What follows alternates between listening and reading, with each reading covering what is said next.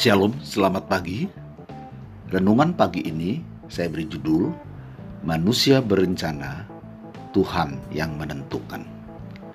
Dalam bilangan pasal 23 ayat 4 sampai pasal 24 ayat 9 menceritakan tentang kisah Raja Moab yaitu Balak yang meminta seorang nabi bernama Biliam untuk mengutuki umat Israel.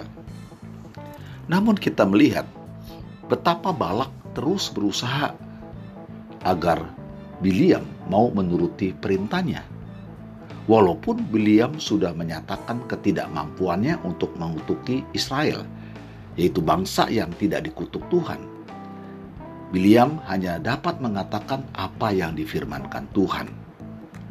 Dalam bilangan fase 23 ayat 12 dan 26, tetapi ia menjawab, Bukankah aku harus berawas-awas supaya mengatakan apa yang ditaruh Tuhan ke dalam mulutku? Ayat 26, tetapi belia menjawab balak. Bukankah telah kukatakan kepadamu segala yang akan difirmankan Tuhan? Itulah yang akan kulakukan.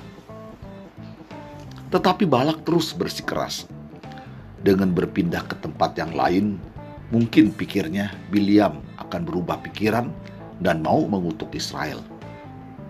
Sebenarnya Biliam sendiri tahu bahwa ia tidak mungkin mengubah keputusan Allah karena Allah bukanlah manusia yang berbohong dan tidak menepati perkataannya.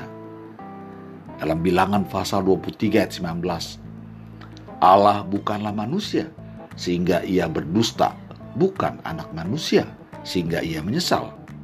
Masakan ia berfirman dan tidak melakukannya? Atau berbicara dan tidak menepatinya?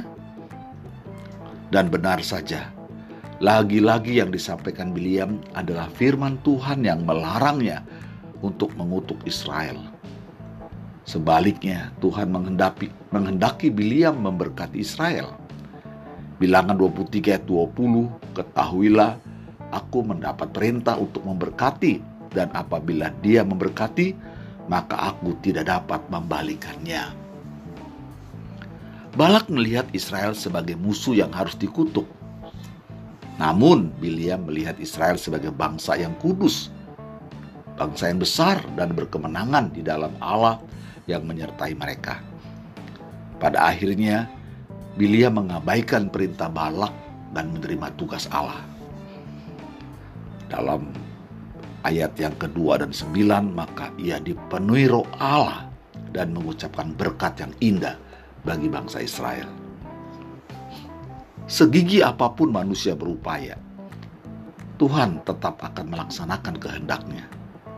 Manusia yang lemah dan rapuh sesungguhnya tidak mungkin menang melawan kehendak Tuhan. Kuasa seorang raja dan pelihat atau peramal sekalipun tak akan mampu mengalahkan kuasa Allah. Segala bangsa mau tidak mau mengakui bahwa Allah Israel adalah Allah yang berdaulat dan kehendaknya pasti terlaksana. Manusia dapat berbuat banyak rancangan, tetapi keputusan Tuhanlah yang akan terlaksana.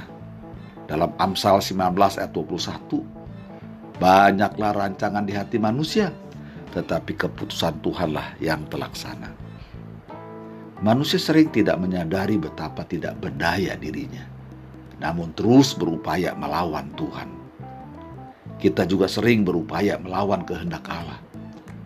Barangkali sama seperti Balak, kita menipu diri dengan pikiran bahwa Allah akan bekerja mengikuti tuntutan kita.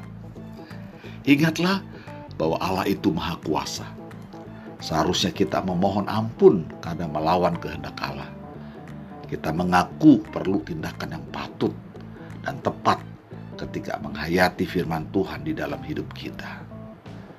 Saudaraku yang dikasih Tuhan, manusia berencana, tapi Tuhanlah yang menentukan. Sampai jumpa, Tuhan Yesus memberkati.